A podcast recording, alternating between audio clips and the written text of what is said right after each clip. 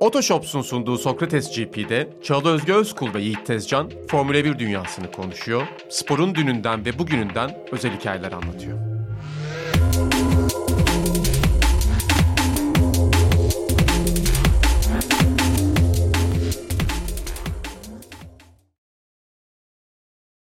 Sokrates GP'ye hoş geldiniz. Bu siyah perdeleri bu kadar özleyeceğim hiç düşünmezdim. Bu ara hiç iyi gelmedi.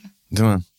Aradan sonraki yarışta çok iyi gelmedi insanlar Evet ama. ya. Çünkü o beklentinin çok altında kaldığı için ekstra kötü bir etki yarattı. Bakü'den çünkü hep bir olay, bir heyecan, bir tatlışlık bekleriz. Hele bir de böyle dört hafta yarış bekleyip bekleyip dolunca. Yani Çeko Perez kazanınca niye tatlışlık olmuyor onu da anlamadım. Çok az taraftarı var bence. Ya buna katılıyorum. Perez dışında diyeyim o zaman. Perez Evet, için evet. yani Çok onu izlemek yine bir yarıştı yani. ama o da beklentiye dahil ya aslında. Şimdi düşündüm neden heyecanlandırmadı? Çünkü Perez'in bir şey yapabileceğini beklediğimiz bir yerdi zaten. Evet Perez'in niye olduğu bir pist aynen. Biz ama hala Perez her ne kadar şampiyonda Verstappen'e yakın olsa bile onunla yarışamayacağını düşündüğümüz için açarız bu konuyu da. Evet. E, kazandı ne olacak? Verstappen kalan işte 19 yarışın hepsini kazanacak gibi bir e, bakış açısıyla gidiyoruz. Nerede ne olabilir falan. Biraz Perez'i konuşur sonra da biraz havadan sudan konuşuruz gibi. Bu tam bölümü bu. Havadan sudan konuşacaksak bölüm bu. Evet ben biraz az konuşacağım aslında ama söz de veremiyorum ben şimdi konuşmaya çalışırım.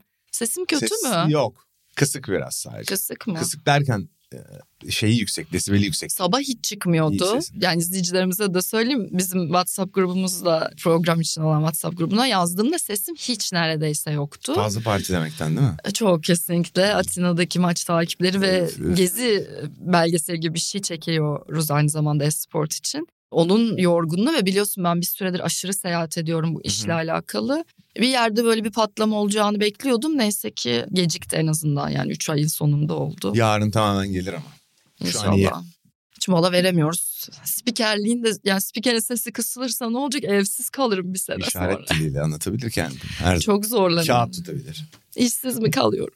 Yüzüm gözüm falan da şiş olabilir. Bana çok bakmayın. Bugün Yiğit'i hep tek başına görelim. Bakın ne kadar da güzel bir çocuk. Kurguya da haber yollandı yalnız bu arada. Yiğit'i koyun tek Beni başına. çok çekmeyin. Gözlüğümü mü taksam ben biraz gözlükle takayım. Bir dakika şimdi sohbete geçmeden Evet. önce yine Otoshops Nakit'in katkılarıyla hazırlıyoruz bildiğiniz gibi Sokrates GP'yi. Ben devralayım. Evet, sen de. Sesi hiç çıkmadığı için hiç alın onu yormamak adına ben devralarım. Bana da zor bir şey gelmiş bu hafta. Photoshops'a buradan da selam söyleyelim. Photoshops nakit aracını satmak isteyip de ilan vermeye üşenenlere, ilandan gelen anlamsız sorulardan sıkılanlara, ekspertiz ve evrak işleriyle uğraşmak istemeyenlere oh dedirtiyor. İyi gidiyorum. Devam ediyorum. Araç satış işlemlerinin hepsini sizin yerinize hallediyor. Aracınızın bedelini aynı gün içinde hesabınıza yatırıyor. O yüzden Otoshops nakitte araç satmanın oh noktası deniyor. Bence o kadar iyi söyledin ki bundan sonra hep sen söyle. Olur. Dün de Poyraz'ı onu yaptım. Bizim Sokrates Mood'un akışını dün ilk kez Poyraz hazırladı. Dünkü programın akışını çünkü ben Atina'da olduğum için hiç ilgilenemedim.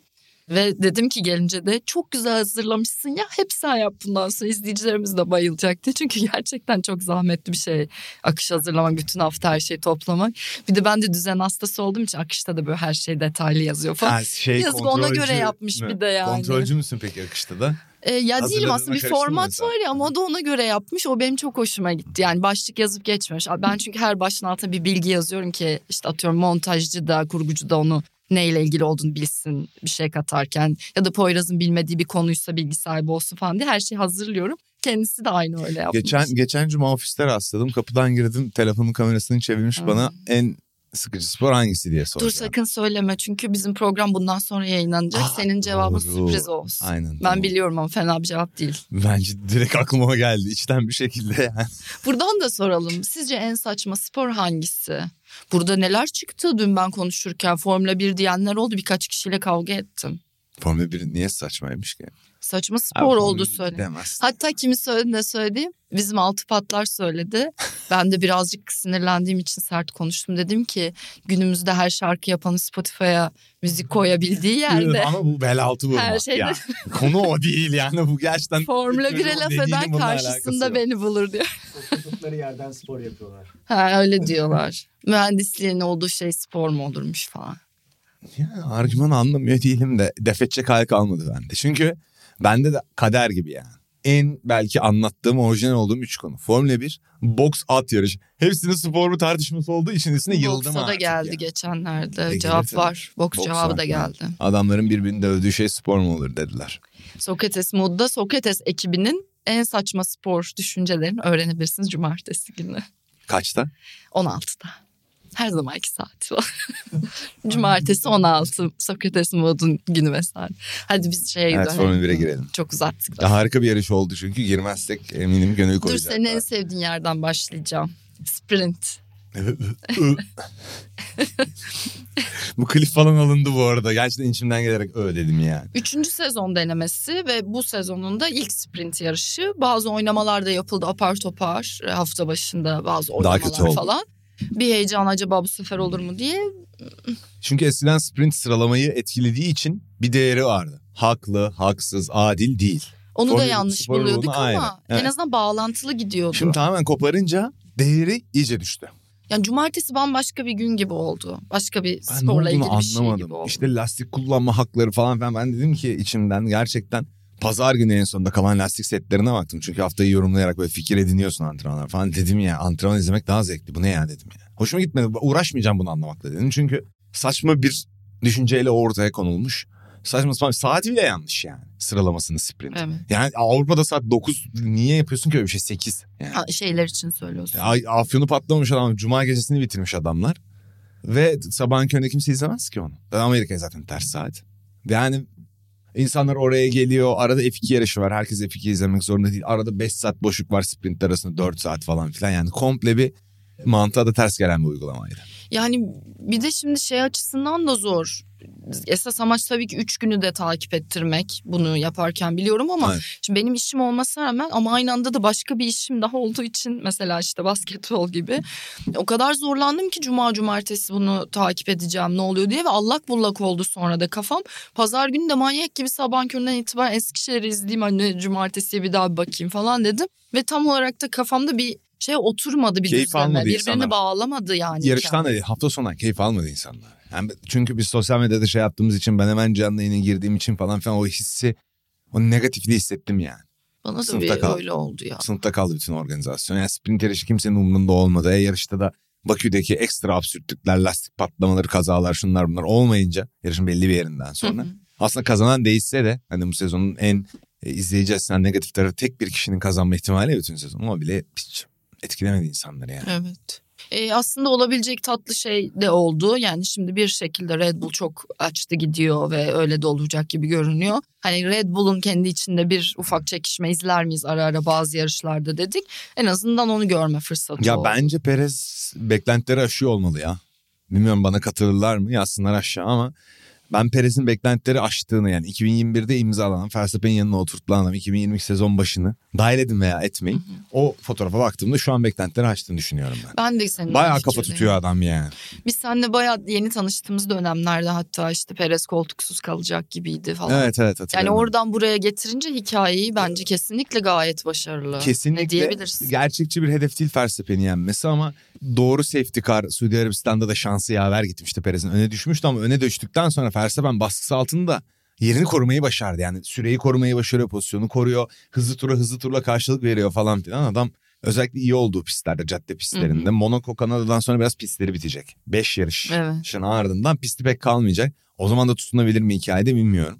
Ya çok şansa ihtiyacı var. Mesela iki yarış Verstappen'in üst üste kalsa Perez önde tek başına gidip kazansa mesela çok bambaşka bir görüntü olur ama nasıl? Hani zor ya diye. Formula 1 bize neler gösterecek Zor tabii Eski ama. dayanıklılık problemleri olan dönemler olsa kendi kendini eleyebilir yani bir şekilde Verstappen. E, Şanssızlığıyla gerçekten mucizevi bir sezon olabilir de bu formatta 23 yarışta dayanıklılığı artık otomobillerin yüksekken çok çok zor iş yani.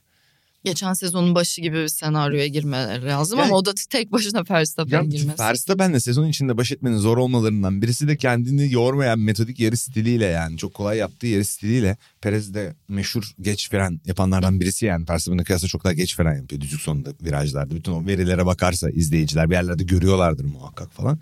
Hamilton da öyledir mesela. Leclerc de öyledir. Leclerc acayip zaten onu konuşuruz. Yani Perez'in her hafta sonu Verstappen'in sürüş stiline istikrarlı bir şekilde aynı turu atabilmesi zaten kendi metodu, yaklaşımı, yaşı falan zor iş ya. Zor yapamaz yani.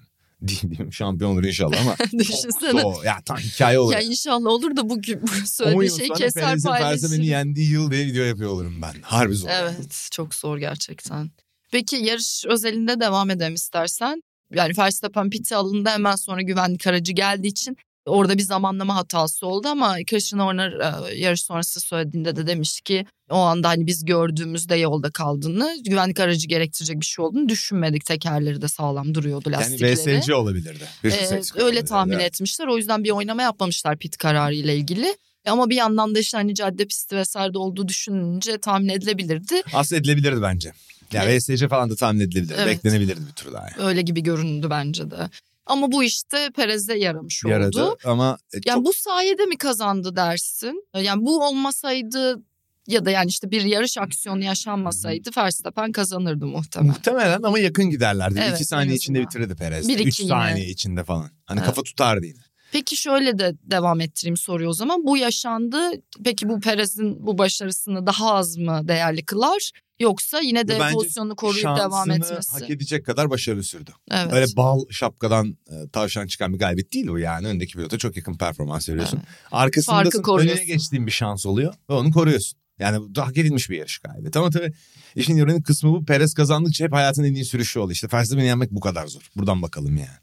Ben geldiği noktaya bile yaşı itibariyle yeni bir takıma gitmiş. Verstappen etrafında kurulu bir takıma gitmiş. Acayip şaşırtıcı buluyorum ya. Umarım en azından bir 5-6 yarış kadar daha bir tür bir heyecan içinde kalmayı becerebiliriz şansı yaver gider. İyi oldu pistler var çünkü. İşte Kanada ve Monaco'yu işaretliyoruz. Ondan sonra Avrupa'nın teknik pistleri başlayınca Fransa, Silverstone falan zor ya. Orada Evet. kafa tutması yani Verstappen'in genel olarak. Genel olarak ama yani Red Bull'lar bütün hafta sonunu yine domine etmiş oldular. Biraz bunun yanına belki Ferrari eklemesi yaparız. Ferrari öne sıçradı biraz. Leclerc tarafından tabii ki. İnanılmaz ya. Lecler sevgimi buradan nasıl anlatayım bilmiyorum. Yani Siz programda konuştunuz değil mi? Emir Tanyol'la konuştunuz galiba şey. Neden Lökler seviliyor muhabbet yaptınız Ferrari'nin tarihindeki pilotlar örnekleriyle beraber. Bence şahane bir sekans. Eğer Benim- yarış sonu programını izlemediyseniz dahi Yiğit'in buradan da başka bir Formula 1 programına Burada reklam yapmak Evet. kıymetini bil. Nereleri sonlara doğru muydu o muhabbet? galiba yani Hani belki bir Ferrari'nin- saatten fazla açıp izlemeye üşenebilirler vakit olmaz ama o kısmı yakalarlarsa bence güzeldi Lökler sevgisini anlattınız böyle. Ferrari'nin kazanamayan pilotlarına karşı bir bağ olabiliyor. Bu Ferrari'nin dönemsel kazanamama hastalığının ve Ferrari taraftarlığının da aslında bir tutku. Hep kazanmak değil de bir tutku olmasından kaynaklanıyor. Yani harbi taraftarlık olmasından kaynaklanıyor. O başarısız dönemlerde yarışmış adamları başarısız "Uf, çok kötü geçmiş o yılları hatırlamak istemiyorum değil saygıyla anıyorlar. Janelesi en tuhaf örneği ya. İtalyan olması çok büyük artı. Yani Sicilyasılı bir Fransız olması daha doğrusu çok büyük artı. Çünkü İtalyan sürücüler Ferrari'de Alborato'dan beri kazanmıyor. Hiçbir şey yapmıyor. Janelesi tek bir yarış kazanabildi Kanada'daki güç bela. Onda da benzini bitiyor. Çizgi Hmm. geçten sonra. Birinin Benetton, Schumann'in Benetton'u ile galiba üstünde pite dönüyor. Yani onu da kazanamayacak. Ama onun da meşhur işte bu Tirel'de yarışırken Senna ile kafa kafaya girdiği mücadele vardır. Alesi de Formula 1'e geldiğinde en büyük genç yeteneklerden biri olarak görülüyordu. Bütün kariyerini Ferrari'de heba etti. Daha iyi olabilir miydi? Tartışmalı yani. Mesela şey denir. Alesi Benetton'a gidiyor Schumacher'in yerine. Bir, bir buçuk saniye yavaşlı diyorlar Schumacher'den. Aynı otomobille testlerde. Ya o tartışmalı. Bazen de pilot olduğu takıma benzer. Geri gider performansı. E Gilles Villeneuve var. Hı hı. Aynı otomobilde Scheckter dünya şampiyonu oldu ama kimse Scheckter'ı konuşmaz. Jules Herkes Scheckter'ı. Çok önemli Villeneuve. Giles'i konuşur yani. Çünkü Gilles de işte Leclerc'e benzetme sebebimiz yüreklidir. İşte o kanadı kırık otomobille önünü bile göremez. İşte iki tane lastik paramparça olmuş otomobiline jantlar üstünde pite getirir falan. Otomobilin arkası kayar düzeltir. Çimden otomobil geçmeye çalışır artık falan yani. Yarışmak için yarışan safkan yarışçı bir adam. E tabii ölmesi de onun hikayesine ve mirasına çok şey. Evet, Leclerc'in yarım kalmıştık. korkuyorum diyeyim yani. Ben çok yetenekli olduğunu düşünüyorum. Bu tarz bir en sonunda misyon Ferrari'nin asla kazanamayan çok iyi pilotuydu ya. Olmasın. Yani çünkü bir şekilde sürekli şampiyonluk hayali Ferrari'nin yeniden ulaşabilmesine dair Lökler üzerinden kurulmuş durumda. Yani acaba Ferrari'de şu mu oluyor? Yani umudu yaşatan kişilere ekstra mı bağlanılıyor acaba? Hani çünkü Lökler'in bir şampiyon olabilecek kumaşı var ya Ortak en bir başından beri. yaşanıyor. Taraftar üzülüyor, Lökler kariyerine yanıyor. Bence böyle bir kesişim noktası var. Evet. Sempati noktası var yani. O da umudu yaşa- yaşartıyor, hayatta Kesin, tutuyor. kesinlikle yani. İşte kazanmak Sainz'le onu yapamıyorsun Ya, çünkü. Şimdi çok bir şey olacak da melankolik olacak da hani bazen kazanmayı Severiz. beklemek ve ona odaklan kazanmanın kendisinin iyidir yani. Kazınca e dersin ya sürekli. Evet. O öyle bir drama o yani. Öyle bir melankoli ya. Ve tifozi melankolik bence yani yorumlarına şeylerine baktığında da evet arada sinirleniyorlar. Bir notayı kovun şunu kovun diyorlar ama melankolikler yani. Yine de sevme üzerine kurulu bütün Ferrari taraftarlığı yani. Bak şimdi yine bir duygulandım ya. Ferrari deyince Güzel. Ferrari. Güzel anlattın öyle, ya. Öyle ama yani herkes Ferrari fanıdır. Ya bugün az önce girdiğim kayıtta da konuşuldu. Sen de Ferrari fanısın. Ben de hiç öyle özel tifozi olmadım ama Ferrari kazandığın tabii mutlu oluyor insan ya. Bana da hep görüyorum. söylüyor işte hem Mercedes seviyorsun hem Ferrari seviyorsun hem onu seviyorsun hem bunu seviyorsun. Ferrari'yi tabii ki seviyorum orada başka bir kültür yatıyor yani. O hep şeye de takım ya biliyorsun kır- arabayı kırmızı boyadıkları şeydi. Kendi normal Ferrari araçlarından bahsediyorum Formula 1 araçlarından değil. O kırmızı işte nasıl tutturdukları, aracı nasıl boyadıkları falan yani her şeyin altında sanki bir hikaye yatıyor Var, gibi. evet. Her eylemlerinin altı bir şeyi seçmekte işte seçilmiş olan o logonun bilmem ne her şeyin altında bir hikaye var. Hiçbir şey boşu boşuna denk gelmemiş gibi yani. E, eşsiz bir şey yani. Bir Ferrari pilotu olduğun zaman İtalya'da her şey serbest sana. Her şey mübah. Çok seviyorlar yani. Evet. Hele İtalyan bir pilot Ferrari dünya şampiyonu. Ben hayal edemiyorum. Zirve bu olur herhalde Zirve de. bu olur da Kimin işte- olacak işte o yani. Ferrari iç politikaları da geçmişte İtalyan pilotlarını çok yıpratmıştır. Alboreto ile genç e, Gerhard Berger takım arkadaşıyken Berger şey diyor yani benim hiç üstüme gelmezlerdi diyor. Alboreto'nun üstüne giderlerdi Ha. diyor. Alboreto'ya bir gün Enzo Ferrari otururken otomobil nasıl bilmem ne falan diye sormuş. Bana kızları sorardı diyor.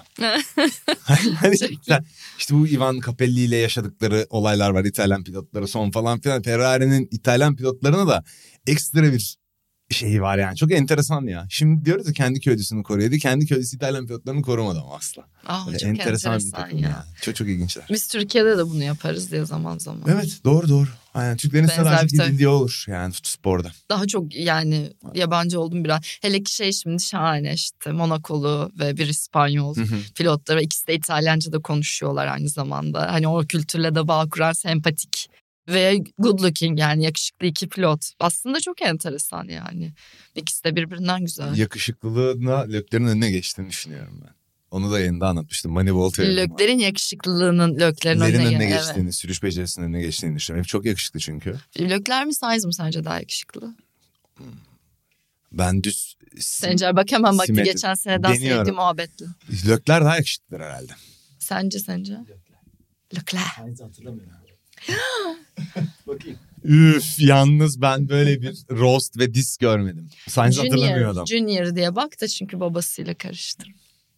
Babası da iyi. Bak. O yüzden diyorum karıştır. Ha babası iyi mi? Ben öyle hissetmiştim. ben yine de Sainz'dan yana oyun, oyun kullanıyorum yakışıklılık konusunda. Tarzım da belli olsun burada. Evet senin bir ama özel Science, Science, Science, Science ilgin var yani. Ona ayrı bir şey. E, onu daha yakışıklı ama Lökler buluyorum. daha bir standart herhalde. Güzel suratlı Lökler çocuk. tam şey ya evet hani. Ama işte o onunla ilgili yanlış anlaşılan bir şey aslında. Bu konu güzel bunu söylüyorum ben. İşte o Moneyball filminde kitabında da var. Adamlar oyuncuları şeyle değerlendiriyor scoutlar. Tipi kötü özgüveni yoktur. Kız Evet. arkadaşı 10 üzerinden 6 iyi oyuncu olmaz gibi. O Brad Pitt'in dediği Evet, evet. Lökler de çok yakışıklı, temiz ve sakin bir çocuk ya. Ama aslında çok ateşli bir yarışçı. Hani yarış içinde mücadele de ateşli bir pilot yani. Evet evet. Yılan vazgeçen değil yani. Duvara vurma pahasına cadde pistlerinde fark ediyor. Adam her cadde pisti pol alıp duvara vuruyor otomobilini. Çok ateş yanıyor adamın içinde ve o güzel suratlılık, Monaco'da rahat büyümüşlük imajı bir çelişiyor onunla yani. Bebek yüzlü katil. Bebek yüzü katil evet. Yani çok çok enteresan o iki imaj çelişiyor yani. Evet. birbiriyle. Aslında görüntü çok aldatıcı o yüzden hep konuşuruz ya. Önemli olan hiç güzelliği be. Ya, bu durum için tamam bu yani. Ya burada yaptığı iş oluyor iç güzelliği ona yaklaşımı. Yani şimdi Sena da karizmatik. Daha Evet. karizmatik hatta. Yani daha karizmatik En ama karizmatik sence James Hunt biliyorum. Evet. Ee, olur bence de ama Sena'yı da yazarım yani. De, Bence James o Hunt- ayarda biri James yok yani şu enteresan anda. bir şeyi vardı işte karizmanın nereden geldiğiyle alakalı. Eski yarış pilotları hep der. Hunt unutamazsınız derler. En büyük özelliği o. Odaya girdiğinde onun enerjisini alırsanız kadın erkek herif hatırlarsınız der. Hunt'ın fotoğraflarına videolarına bak hep şöyle durur. Sigarası. Kambur durur. Postürüyle Evet, yanmıştır. Evet. Ama işte karizma bütünleyici bir şey ya. Bambaşka bir şey. Çok ayrı bir şey ya. Adamın o kadar vurduğum duymaz olması ve kendini hiç değiştirmeden buna devam etmiş olması onu Bambaşka. karizmatik yapan şey yani. Ya karizma çok acayip bir şey ve bütün dış görünüşlerin önünde bence yani aura ve karizma yakışıklılığın falan çok Senin önünde. karizması nereden geliyor sence? Yani nereden geliyor? Yine bir bütünlük aslında. Yani genelde mesela düşüncelerini dinlediğim röportajlara baktığım zaman kendime çok yakın bulmam aslında ben Senna'yı. Çok yoğun Ee, ve fazla rekabetçi. Her saniyesi Evet evet hayatın. beni de tanıyorsun yani artık bayağı E, ya da işte genel hayata dair görüşleriyle de böyle çok e, yakın bulamıyorum yakın hissetmiyorum ama işte o yine bence bir şeyle alakalı her şeyi göze almış olmasının yürüyüşüne yansıdığı bir an var sanki Hmm. E, hayattaki duruşunun yüzüne yansıdığı bir ifadesi var. Bir üzgünlük var. Ben genelde öyle şeyler yani suratında gülmediği anların hepsinde sanki böyle bir düşüklük, bir melankoli, bir ciddiyet. Hani arka planda ben başka bir şeydeyim. Başka bir evrendeyim hali var. Mesela ben onu beğeniyorum kendisiyle ilgili. Yaşayış şeyi güzel. Yani keyifli yaşadığı çok anlar var. Hı hı. Ve bence işte kendi aurası yaşamın o eğlenceli kısmıyla çok oturuyor. İşte bir şeyler içtiği, yüzdüğü, işte ekstra sporlar yaparken eğlendiği anlar o karizmasıyla birleşiyor bence. E Zaten bu kadar kendi kendini motive eden ve her anı her şeyi rakip gören, üstüne alınan bir adamın melankolik olmaması mümkün değil. Çünkü beyni durmuyor muhtemelen. Bir sürü negatif de beyniyle Evet. o anda uğraşıyor yani. O da böyle gözüne yansıyor bence. Kazanamadığında falan o adam mutlu olamaz yani Evet. bu karakter. Bir de şeyin etkisi var bence yani karizmanın en büyük parçası üstüne ne taşıdığın yani ne giydiğin nasıl bir aksesuarın olduğu falan. Hani imza olabilecek şeyler. Kösele Gözlükleri. beyaz çoraplı Hondalı biliyorsun. Evet evet bence çok güzel ama o dönem için çok başarılı olduğunu düşünüyorum. Sonradan biz onu minibüsçü kılığı olarak adettik ya Türkiye'de. Evet, Kösele ve beyaz çorap. Çünkü onu yani, yani o yılda bırakacaksın işte yani 80'lerde onu bırakacaksın 2000'lerde giyilmez çünkü. Ama belli olmaz 2030 gibi falan şimdi biliyorsun çorap terlik falan her şey okey. Neyse biz ne diyorduk? Biz ne konuşuyorduk ya bugün Çorap böyle? terlik. Şey ne diyor Bakü falan. Bakü lökleri de konuştuk şimdi. Ee, Ee, Ferrari'yi konuştuk. Ha Ferrari'de bir de şunu ekleyelim. Ben asıl şunu söyleyeyim. Alonso ve Taylor Swift konuşmak istiyorum yani bu arada. dur ona bir tabii ki konuşulacak Konuşmak ne demek. istiyorum. Sokrates GP'de böyle bir hani aşk dedikodusu yayılmış Hemen. olaylar nereye gelmiş bu programda Anti-Hero konuşulacak adlı mı şarkısını sandın? ezberlediğim için Taylor Swift'in. Ne şarkısı? Unuttum. Anti-Hero'ydu galiba. Ben de bu arada hiçbir şarkısını bilmiyorum. Ben- Onu mu konu? Tamam açıldı hadi konuş artık. Yok yok. En son Ferrari'den bahsedeyim. Tease etmiş olalım. E, Loren Mekiz gidiyor Alfa Tauri'ye biliyorsun gitti.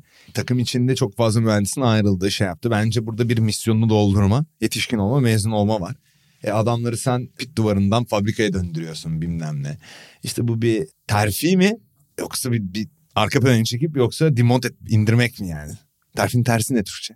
Şimdi kızacaklar. Downgrade şeyi ama. E, demote etmek işte. Nedir terfin Türkçesi? An terfi. Yok. Ya olmaz. ihraç etmek değil. Tamam, Pozisyonu terfi. düşürülmek. E, pozisyonu düşürülüyor yani adamın mı şeklinde soru işaretli olan şeyler. Bu mühendisler tabii ki orada oynamalar yüzünden fabrika içinde ayrılacaktır. Buna şuna bağlayacağım.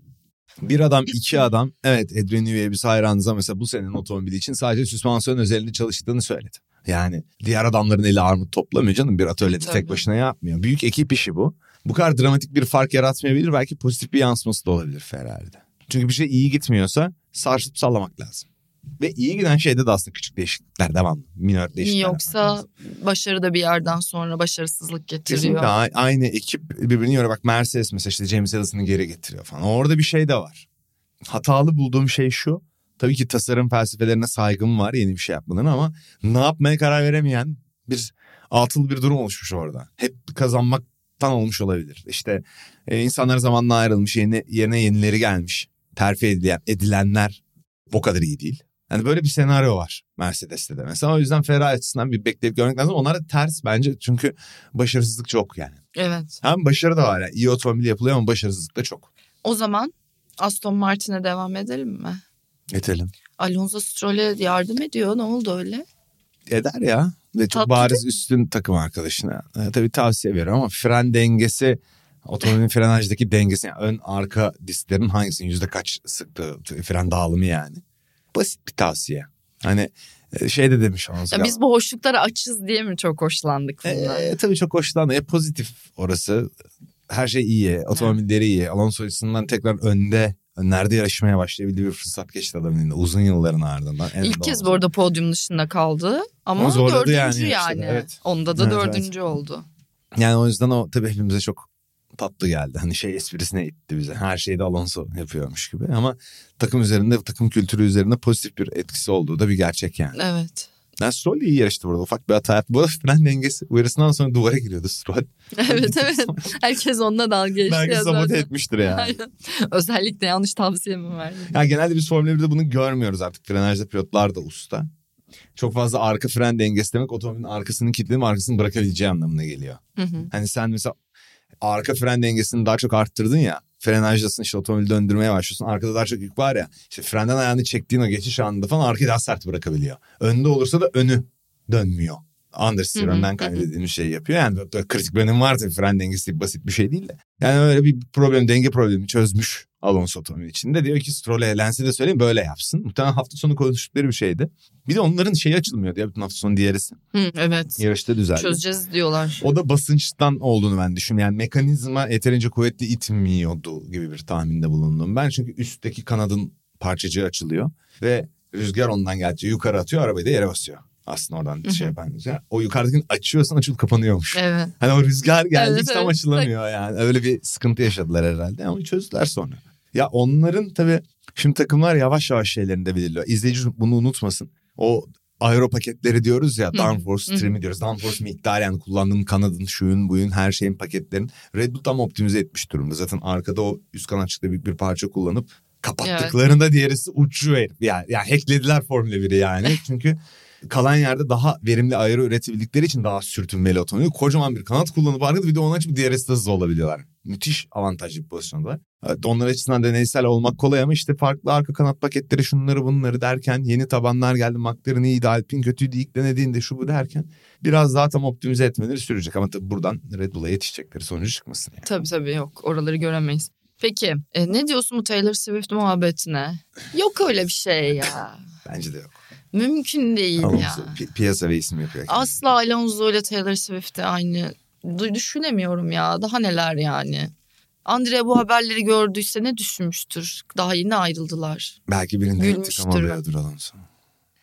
Andrea'dan belki. E Taylor Swift olsalardı bir fotoğraflar olurdu değil mi birlikte? Aa, hiç öyle bir şey de yok yani. Bir, bence bir deli kuyuya zaten attı taşı. O da Sonra da büyüdü ya. yani. Hatta Ya. şey geyikleri görmüştüm. Röportajları bile yani yaptıkça büyür ya bu. Ama Alonso'nun röportajda bunu Hoşuna havada gidiyor. bırakması da işte, arttırdı bu e, şeyi. Adam Formula 1 tır- pilotları bütün sporcular falan filan içinde o medya training diyoruz ya.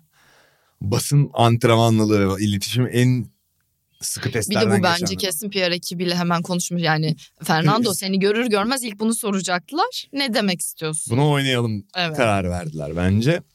Ya hoş renk katan bir şey. Bu- Bugün biri sordu bana. İnan Özdemir ya buradan anladım. Sen de vardın ya Sencer. Alonso yakışıklı değil sen mi dedin? Ha. Onu tartışıyorduk. Ben karizmatik olduğunu düşünmüştüm. Çok karizmatik. Ya biz beraber konuşmadık? Aynen aurası var falan dedik. Falan. Ya ben daha önce mesela karizmatik olduğunu düşündüğüm biri değildi. Ta ki canlı görene kadar e, böyle şeyde hatta ben yayın yapıyordum şeyde hmm, motoromların önünde yürüyerek yapıyordum. Hı hı. bir tane işte kendi motoromla o zaman Renault'daydı. Çıktı böyle yürüyerek gel ben şey oldum. Aa Alonso yürüyor yani hani Alonso geliyor buraya falan dedim. İlk seneydi galiba o. 2020. 20 olması lazım. Yani dediğim gibi hepimizi eğlendirebilir. Ama şu an hayattan keyif aldı da belli bu arada. Bütün mizacı değişti adamın ya. Evet, Ruhu serbest kaldı falan adamın yani. Yıllarca acı çekmiş resmen yavaş otomobillerde. Ki en önde bile değil. Bu bile ona yetiyor yani. Yani bu şey Alp'in Aston Martin geçişinin adama getirdiği mutluluk farkı acayip Çok yani. acayip. Bir de orada ya istenmemek de insanı mutsuz eder ya. Sahip çıkılmamak. Şimdi adam iyi olduğunu düşünüyor. Bir bahse giriyor hayatta. E, Alpin diyor ki uzun süre iyi kalamazsın. Bir yıllık Biz sene sene diyor. bakarız buna diyor. Duruma diyor. O diyor ki hayır hemen ben bunu yapacağım diye. Şu anda burada kazanan Piastri'yi de kaybettirdiğine göre Alpine Alonso oldu yani. Daha Evet. güzel bir intikam alamazsın. Formula 1 kariyerindeki en güzel intikamlardan biridir ayrıldığın takımdan alınan. Çünkü Evet. bazen ilişkiler gerçekten çok fazla insan ve dinamik var. Garajda insan var bilmem ne var. Çok ağır kopma noktalarına ve Prost seninle ilişkisini düşün yani. Birbirlerinden veri saklıyor herifler. E, otomobiller o kadar hızlı ki ama. Yani birbirlerini sabote ediyorlar falan. Ya, İnanılmaz bir politik şey savaş var. O yüzden Alonso da bundan galip çıktığı için epey mutludur yani. Peki Alonso'nun yanına kimi yakıştırıyorsun? Şarkıcılar. Taylor Swift'i de zaten tanımıyormuşsun. Oyuncu da olur. Tamam hadi oyuncu da olsun. Sonun yanına kim gider ya? Şimdi çok uzun boylu değil.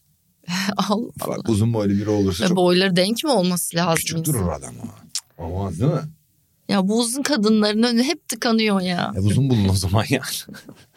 uzun kadınların laneti uzun bulmaları yani. Yapacak bir şey yok. Onu sonra. Öyle böyle şeyler önemli değil dedik ki iç güzelliği Ufak dedik. deyince gerçekten 1.55'lik Scarlett Johansson'la gelinmesi. Bu mu? Kadar ünlü biri olmaz yani. Bilmiyorum ya. Bilmiyorum. Bu konuda o kadar farklı dedikodular ve geyikler yapıldı. Kim ne yapsın Alonso'yu diyen bile duydum. Yani Swift ne yapsın Alonso'yu diye bakan da var. Alonso'yu çok seviyoruz. Kimseleri yanına yakıştıramaz. Yani evet bulamadım böyle uygun birini. Ben de bulamadım. Ya ona böyle şey gibi bir şey bence güzel. Toto, Wolf. Toto Wolff'le Suzy Wolf gibi yani böyle Power couple olacak. Evet. Anlayacak. işine hakim, Kelly hırslı falan. Mutlaka hakim. Kelly Pique Alonso olabilir ya. Yani bu, Kelly Pique'nin sıradaki şey gibi yani. bilmiyorum uydurdum işte. Tamam neyse bulamadık. Hah, bir de sonraki yarıştan çok az bahsedeyim. Miami'ye gidiyoruz. Miami. İnsan, fake havuzlara insanların yarış dışında her türlü aktiviteyi yaptığı. Fake çim mi vardı? Havuz vardı değil mi? Aynen fake havuzu vardı. Gerçek havuzda insanların girdiği sıralama turları olurken dünyayı umursamadıkları Amerikan kültürünün son meyvesi. Bir de tehlikeli viraj vardı. orada. 14 müydü o Sainz'ın Ha, hani aynen fren yaptığı şey? hatırlamıyorum ama Düşük şey. hızdı ama şey yapabiliyordun duvara girebiliyordun. Yine Red Bull'un üstüne olacağı bir pist olacağını biz tahmin ediyoruz. Ferrari yine pole alma ihtimali olan bir pist. Cadde pisti. Perez'in özel olarak hızlı virajları ilk sektör falan pisti düşünüyorum. Yani hızlı olabilir ama bu kadar Azerbaycan tipi ona Hı. uyan bir yer Değil. olmayacağını düşünüyorum ben. Ama tabii iyi çok iyi performans verebilir yine hafta sonu. Ee, dediğim gibi Ferrari'nin de pole alabileceğini düşünüyorum. Düzlük hızları falan filan derken Aston'la Mercedes tam kesemem. Bir de şu an tam ufak tefek yeniliklerle geldikleri Evet, haftalar. evet. Hani Bu Imola'yı Miami parmakla sonrası Avrupa'ya dönüş biraz daha evet, tatlı yani, olabilir. Aynen Imola'dan sonra biraz işin rengi. İşte İspanya gelecek. İspanya klasik aero test eden pist. Orada göreceğiz aero verimliği verimliği diyoruz. Takımlar eksileri ne kadar kapatıp oraya gelmişler gibi görüntü oluşacak. Yani hayatımda ilk defa bir Formula 1 yarışı hakkında bu kadar az teknik şey Evet. konuşabildim. Yani biliyorum Formula 1'de böyle yarışlar oluyor. Eskiden de vardı ama bu hafta sonunda bir özel durgunluk vardı. Ben de anlamadım. Hani izleyicinin benim etkileşim yaptığım, yayın yaptığım Twitter'daki insanların enerjisi de geçmedi. Bir şekilde böyle bir, Öyleydi. bir tuhaf gitti Vallahi yani öyleydi. o. İlk defa bu kadar da boş yaptım diyebilirim Formula 1 hakkında. Güzel boş yaptık ya. O zaman ben kapatacağım zaten Sen çok hastayım. Kapatıyor musun ben mi kapatayım? Evet sen kapat. Evet değerli izleyenler bir Sokrates GP'nin daha sonuna geldik. Yanımda Eşol Özgür Özkul'la birlikte Türkiye'nin en eğlenceli Formula 1 podcast'inin maalesef bu bölümünü de kapatmak zorundayız. Sevgili Çalı çok teşekkür ederim. Hasta hasta geldin. Anonsu okumaya çalıştın. Ve e, programın sonuna geldik. Sen de veda et izleyiciye ve gidelim. Haftaya yeniden beraberiz. Otoshops Sokrates GP'yi sundu.